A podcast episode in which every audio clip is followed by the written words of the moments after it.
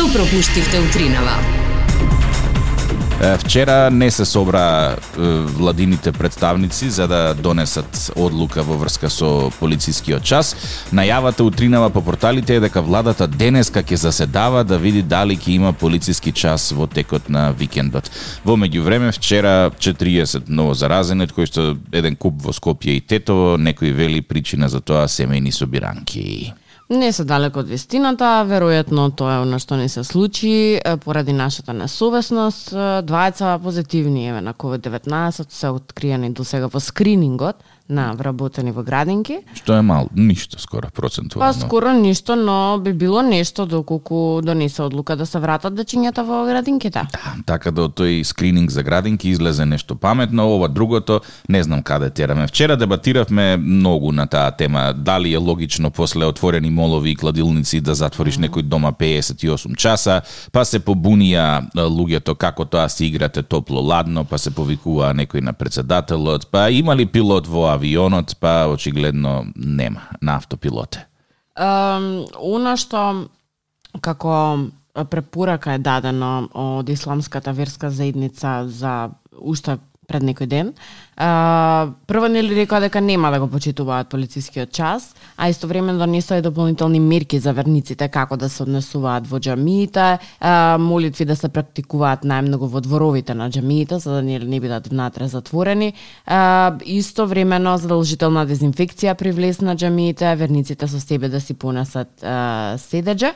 А, информираат и дека тоалетите и местата за земање абдест ќе бидат затворени, а дел од мерките кои се задолжителни за секоја џамија а, се и а, молитвите да се одржуваат дома, доколку верниците не се во можност или се плашат за своето здравје да појдат во џамија. Е сега јас се надам дека ова на вистина ќе се случи, дека ќе се почитува секоја мерка која што е донесена, гледаш и така што јас се надам дека овој викенд многу свесно ќе се однесуваме, не само оние кои што го слават Бајрам, туку и сите оние други кои што ќе останеме дома во своите домови и ќе решиме нели да се изолираме и да внимаваме на своето, но и на колективното здравје. Во е, парковите гужвички секој ден луѓе носат гужвички. маски, препораките се дека треба да се носи маска на отворено, ама некако со 30 и кусур степени кои што ги имавме изминативе неколку дена, освен вчера, па и тешко е да се дише со маска. Најинтересни ми се оние кои што носат маска под носот.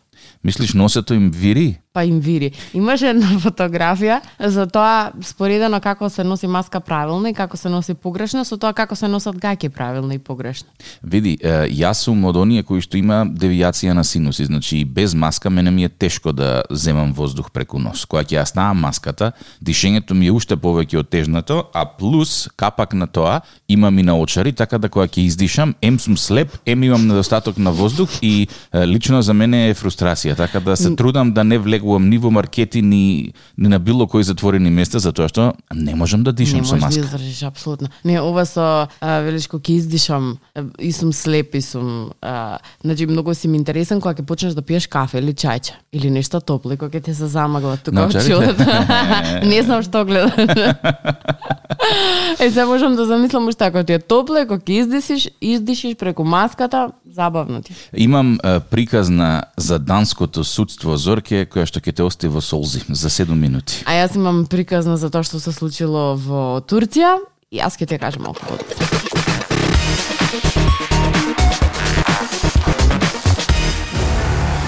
Зорке, Да? дали некогаш си се акала по судови? За среќа не. И срекна си, Зорке. Што се случило? Па не дај Боже да се заакаш во македонски суд, никогаш нема да излезеш. А ова... Добро, зависи кој ти е адвокат. Не, и зависи што ти е работа, на некој им одговара да сакаат по судови, да се разбираме. Е, замислија следна хипотетичка ситуација. Ајде. Е, мајка ти стави слика од твоето дете на Facebook. Добро, И тебе тоа не ти се допаѓа. добро. Кои би биле чекорите кои што ќе ги превземеш? Ке се јавам, ке ја замолам да ја тргне сликата и во иднина ќе речем дека нема да добиеш слика од моето дете за да не си создаваме вакви ситуации. А ако мајка ти не сака да ја тргне сликата? Па не знам, ќе се убедуваме уште некој време. Господја во Данска си ја тужела мајката затоа што мајката не сакала да ја тргне сликата од своите внуци која што ја ставила на Facebook и на Pinterest. Дебре. Значи дошле до суд. Гледаш колку се практични данците. Нема што ја тука мамо те молам сликата тргнија. Бам, тужба. Кај нас ти да тужиш собствена мајка, освен ако не е за имотно правни односи, тоа ќе биде брука невидена. Тужба на татко и мајка само ако се тужиш за имот. Инаку за друго не. И сега што се случува? Данскиот суд пресудува во корист на мајката, на тужителот. Добро? И, и наредува на бабата Добре. или да ги тргне сликите, или да плати 50 евра дневно за секој ден што сликата е на Facebook, ама не повеќе од 1000 евра. Добро? А знаеш ли која е причината за ова судска одлука? Не. GDPR, односно тој закон за приватност на Европа, согласно Данскиот суд, бабата ги обработувала личните податоци на внучето со тоа што ги постирала на Facebook. Зорке, кој хаос владе? А овде кај нас и се бања у курито надвор ставен гол така фрп шлапнат на Facebook. Не го гледаат, ајде бе. Не, не го видел некој што треба или што не намирисал дека може парички да се лапнат од тоа. Охо, па ти очигледно немаш многу пријатели кои што имаат мали деца сега во скоро време, како Facebook пријатели. Не. Значи, секоја година лаам и бројам на иста тема. Луѓе, не се ставаат деца голи на Facebook. Абе, шо има врска? Мало дете, види како е сладок. Океј, сладоке, чувај се ги тие фотографии за твојата приватна галерија, Значи извади си ги, разви си ги ако ти е сладок за да си го гледаш цел живот колку бил сладок, меѓутоа дете голо во корито, машко, женско, небитно, не се става особено не на социјални мрежи. Имаше приказ на Зорке некаде таму крајот на 90-тите години за некој прилепчанец што одел во Америка и носел албум со семејни фотографии. Дали од детето, дали од внучето, сега не се сеќавам точно, меѓу тие тогаш немаше дигитални фотки, значи беа албуми и го треселе американците на на влез во Америка и му нашле такви е, голи слики од внучето во во када удвортрчено. Але. Го шлакнале за дистрибуција и поседување на детска порнографија. Крај. Па убаво си му направиле. Ме интересира што прави Facebook по тоа прашање. Ништо, освен ако... Значи, ако некој не пријави дека е крадена фотографијата, нема да изреагира. Не. Толку од А, алгоритмите. пф, не, нема алгоритам таков. Значи има алгоритам ако евентуално ставиш видео со песна која што има авторски Да, права. да, да, тоа Одма, може. во истиот момент ќе ти го тргне видеото. Што можеше да се види кога ние имавме лайв стримови да, на Facebook. ама затоа можеш слободно сликички какви сака. Па е, тоа е и всушност од таму доаѓа целиот момент на овие групи кои што ги имаме нели. Мамички спод Да. млади мамички, млади татковци, купи продај тие. Е, не купи продај тие со експлицитните така фотографии. А, да оние што да што се пукна афера дека ги има, па потоа како сите закјутиа за тоа што еден куп политичари беа внатре, па се ајде а, не смееме тоа да го спомнеме, веста са мемото. Телефакс отиде. Се врати назад.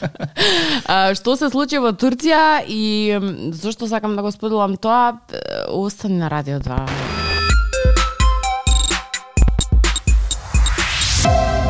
А во Турција турските власти ја отворија денес истрага откако во Измир бил хакиран систем за повикување на молитва, па од минарињата на неколку џами била пуштена италијанската антифашистичка песна Била Чао. Ердоган сега корне коси, кој ми го намести ова, што се случува и зошто ва? А, локалната гранка на турските власти за верски прашања го потврди синоќа на Твитер инцидентот и најави отварање на внатрешна истрага и поднесување пријави до полицијата. Бела Чао била емитувана откако непознати лица го саботирале и нелегално го хакирале системот за повик на молитва. Ако не се лажам, ова си имаше и предходно случајно со други песни и тука се поставува прашањето, барем мене на прашање што ме мачи, а мамбе, толку не можете некој по нормален систем да ставите кој што не може да се хакира, вака излегува дека кој сака, што ќе правиме вечер, ајде да го хакираме системот. Зорке, па тие фул тајм работа денеска е да хакираш системи. Дали се тоа имейл системи, разгласни системи, системи за наводнување. Има тука у паркчето на Теодоси Гологанов, Добро. некој секоја вечер им го хакира системот за наводнување. И? Фршти вода на сите страни, са бајле можеш да пливаш. Значи, не име хакиран системот, едноставно на тој начин функционира наводувањето, по- подводувањето во Карпош. Сериозно? Па сериозно. Преку ноќ оставаш црева да течат. Па како мислиш дека Карпош ќе биде зелен, колега? А има бре зорке с прскалки.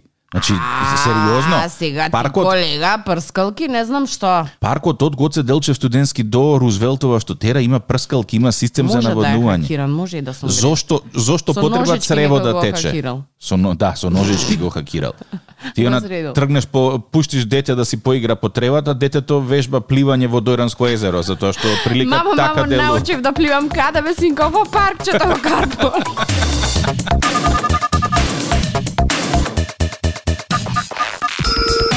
Цитирам. Младите од Ѓорче Петров нека почнат да се спремаат за ново забавно место каде ќе го поминат времето. Та-да-да! Не, Зорке. Не? Не. Ова е.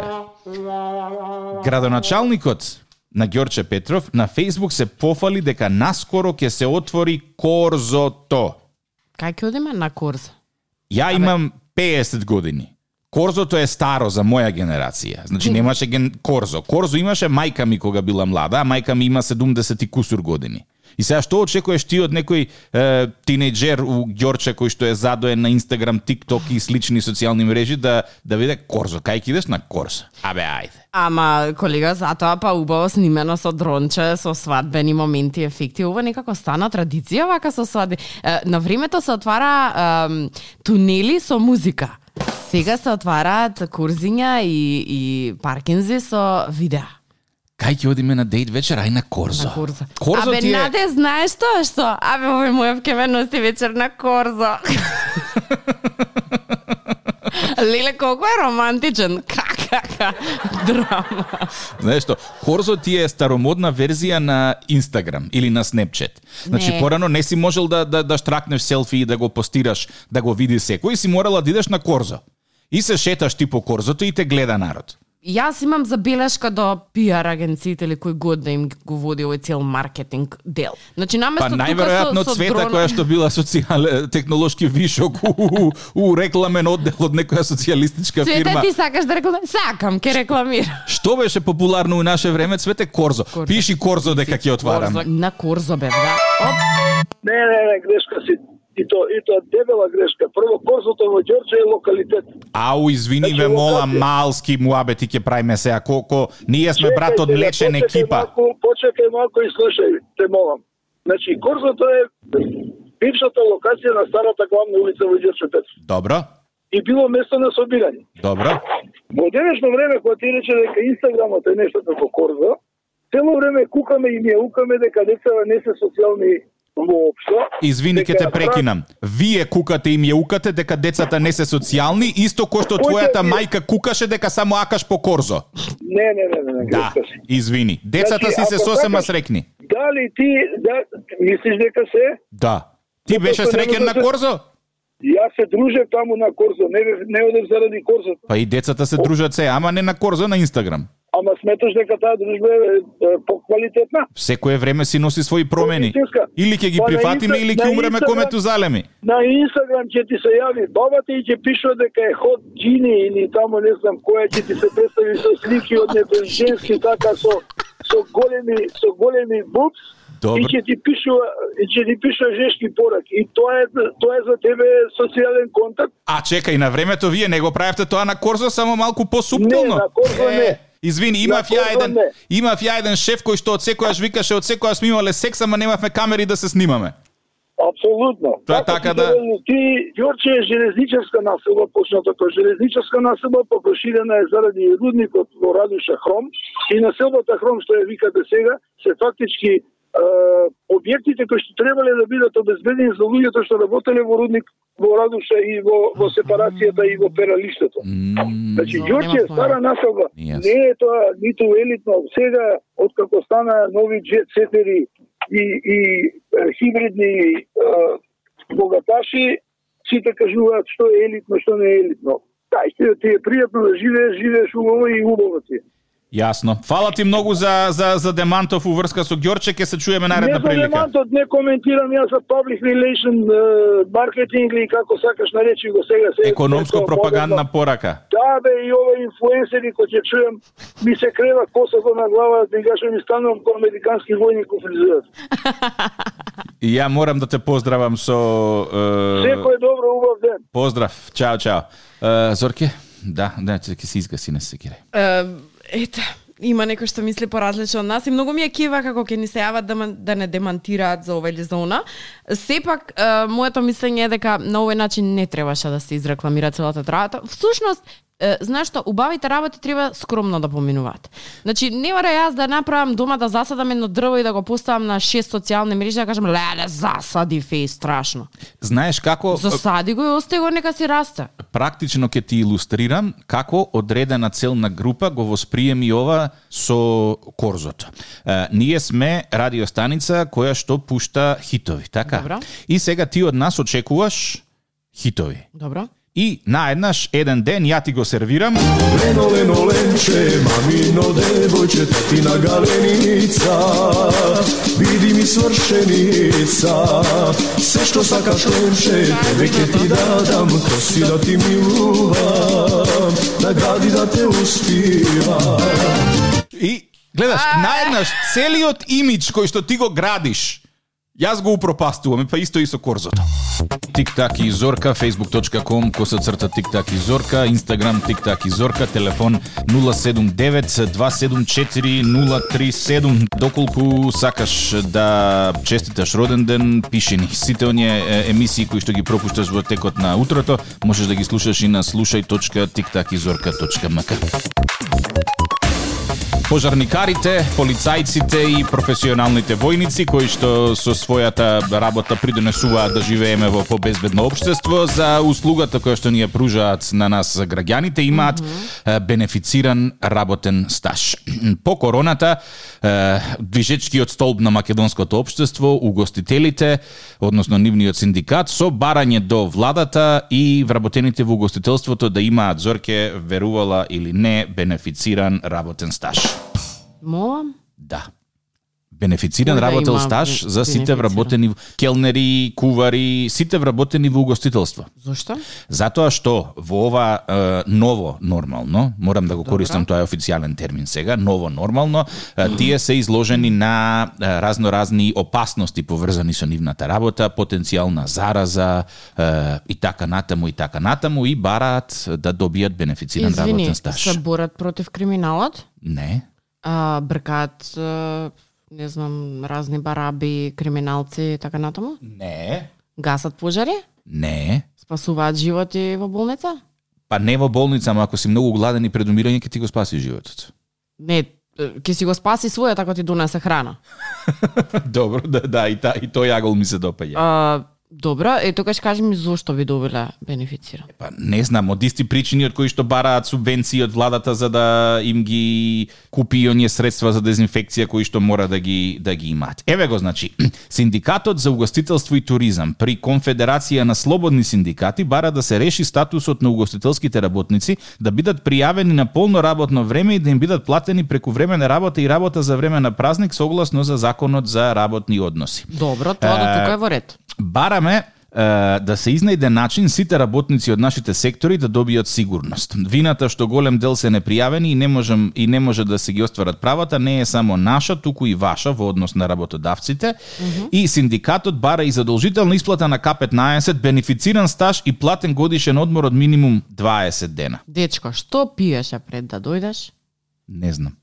Значи- Вели, не отвараме војна против никого, само сакаме да имаме слух и за нас да се превземе конкретно решавање за нашите барања. Браво. Не, во Ја. Зорке Јас се, се, се служувам дека треба да се реши моментот дека не треба да се а, не знам да, да се оставаат непријавени да работат. Се сложувам дека треба да им се реши моментот со К15 затоа што и тие си го заработуваат честно левот на исти начин на кој што го заработуваат некој од фотелја да речем и добиваат К15. Се сложувам дека работата не им е лесна, меѓутоа под под тоа нели се се подразбира дека и самите дневници, а и самите како работни позиции се поплатени во однос на другите, да речеме некој денес кој што работи како професионален шанкер или келнер зема па пристојна плата. Ајде не е пристојна, ќе речат повеќето од нив, ќе речат тоа е малку за она што го правиме. Се сложувам. Сум работела во младоста некој период како келнерка и шанкерка и ќе ти кажам дека не е лесно, особено затоа што секаков Значи, народ е батели ти тој синдикат. Меѓутоа, Нашите права кај се. бенефициран стаж. Нашите права кај се. Кои Ка- наши? па ние како новинари, ние, ние заслужуваме бенефициран работен стаж. Па Па, ние сме изложени на глупости на новинарот- пресконференции секој Да. ден кои што влијаат лошо на моето ментално значи, здравје. новинарот работи 24/7. Секогаш кога е криза или било каква состојба, новинарите се први кои што одат на местото за да Така е. можат да известат за Така е. граѓанинот да биде свесен што се случува. Во воена состојба, во, во ситуација на војна, таму сме барабар со е, оние кои што се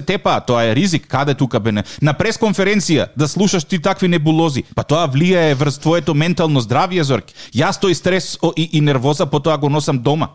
Јас затоа што не моите да прашања во остануваат неодговорени. Јас и ти од многу удобно место, сместени во центарот на Скопје, си водиме емисија и си ги коментираме сите тие дневни е, случувања. Меѓутоа за колегите кои што работат од информативна и кои што се на местото на настано секогаш Значи таму. ти со двојни аршини сега, за некој бенефициран, за некој не, Зорке.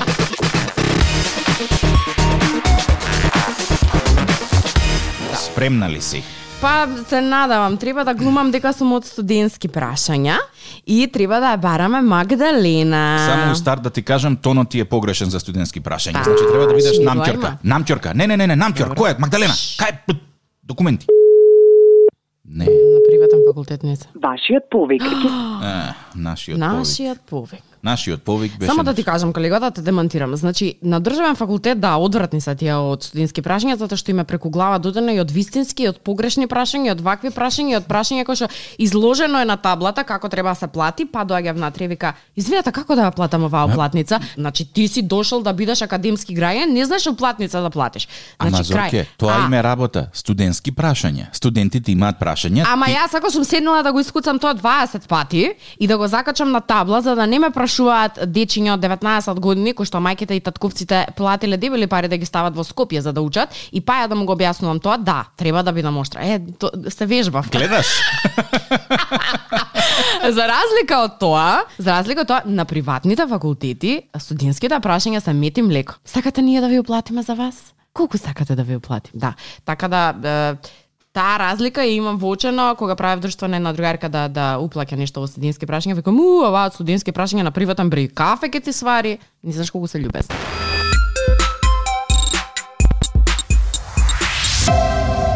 Погодете од кога ќе почне полицискиот час. И три прашања и не знам, кило брашно.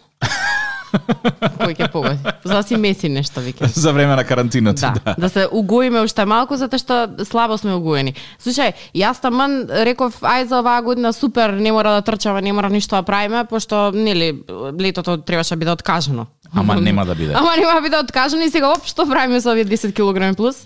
Перничиња, да не потонеме во Охридско. Може. Шлак, шлак. Може. И нема ти го тргна тоа парапетчето дивоградба сега, така да можеш директно од... Знаеш како кога се спуштам од трпеица, сам мисли кога се спуштам по таа уличката. Фш, Право Вензеро. О, е, Само имам проблем со змиите, ама оваа година тие ќе имаат проблем со мене. И змии, и бубашваби, еден куп такви... Зборувам за водни А, змии. добро. За бошвабите тоа е приказна сама по себе која што не сакам да ја почнувам. Е, од која кажа на телевизија дека има најзда на бошваби, мислам дека нема собава која што не поминав со џогер, право смукалка, средство за за шприцење. И после другарка една ми кажа, ма тие доаѓаат на чисто. Да. Е, викам многу Е, касно. Зорке, одма сега пушти децата да направат неред Со по дома. деца ќе ги земам две кучиња од улица, ајде. Средете- нешто, средете Туку, работа. На тема трчање, град Скопје ќе отстрани 240 билборди поставени на јавни површини низ градот. Ау, им рикна Односно- бизнисот со билборди на агенцииве изгледа. Па, изгледа, инфлуенсерите им се поисплатливи. Па, нема, сериозно, билборд е скапа играчка. Негде околу 350 евра чини закуп, плюс негде околу 250 евра печатање, то ти е трошок околу 500 евра по билборд. Ту, за 500 евра ќе изнавам стан Та, во центарот на Скопје ќе викам од тераса. Купете го мојот производ, А купете колку мојот инфлуенсери можеш да платиш со, со 500 евра? 505 во просек. Е, така. На времето беше Video Killed the Radio Star, сега инфлуенсерот го уби билбордот. Ама одличен, одлична пиар кампања на град Скопје, као ние ќе ќе тргнеме 240. Кажи фирмите што ги рентаа билбордите пропаднаа, не може да платат концесија за истите, па ќе ги тргнеме. Не е за доброто на граѓаните, ама добро. Секоја чест за креативецот у град Скопје. Значи има околу 800 билборди само во град Скопје, како што кажаше Лигов покрај овие, Скопје на голем број локации има и нелегални билборди кои исто така ќе се отстрануваат во наредниот период. Тоа баш. Вели не можеме сите да ги отстраниме, и фирмите имаат 15 годишни договори со градот склучени од претходно раководство, ама ние во наредниот период на десетина локации ќе поставиме дигитални билборди, фала Богу 21 век. А не оние што се кои, лепат. Да, ќе можат да се вртат повеќе реклами. Значи, дигитална работа, тоа е исто како ние рамките за слики. Ставаш 10 слики, наместо да се мислам која да ја урамам, која да ја ставам, ставаш 10 слики со USB и тие 10 слики си се вртат и ти цело време имаш различен украс. Леле, за продажба се Е, само. за да, за да некој го направи тој дигитален билборд, треба да биде програмер. Да, бре, во Македонија го измислија тоа. Не е битно каде, битно е програмер. Јас не велам дека не треба да се сега па ме фаќаш за програмири. Значи јас не велам дека не треба да земаат тие висока плата во ред. Ама зошто сите? Па е. И што толку се измислува топла вода со програмирството? А Тоа е нешто што ние не го разбираме, дај ние да си се држиме до нашето и да ги оставиме програмерите да програмираат и волкот сити и овците на И сега број. гледаш хакнати сите профили.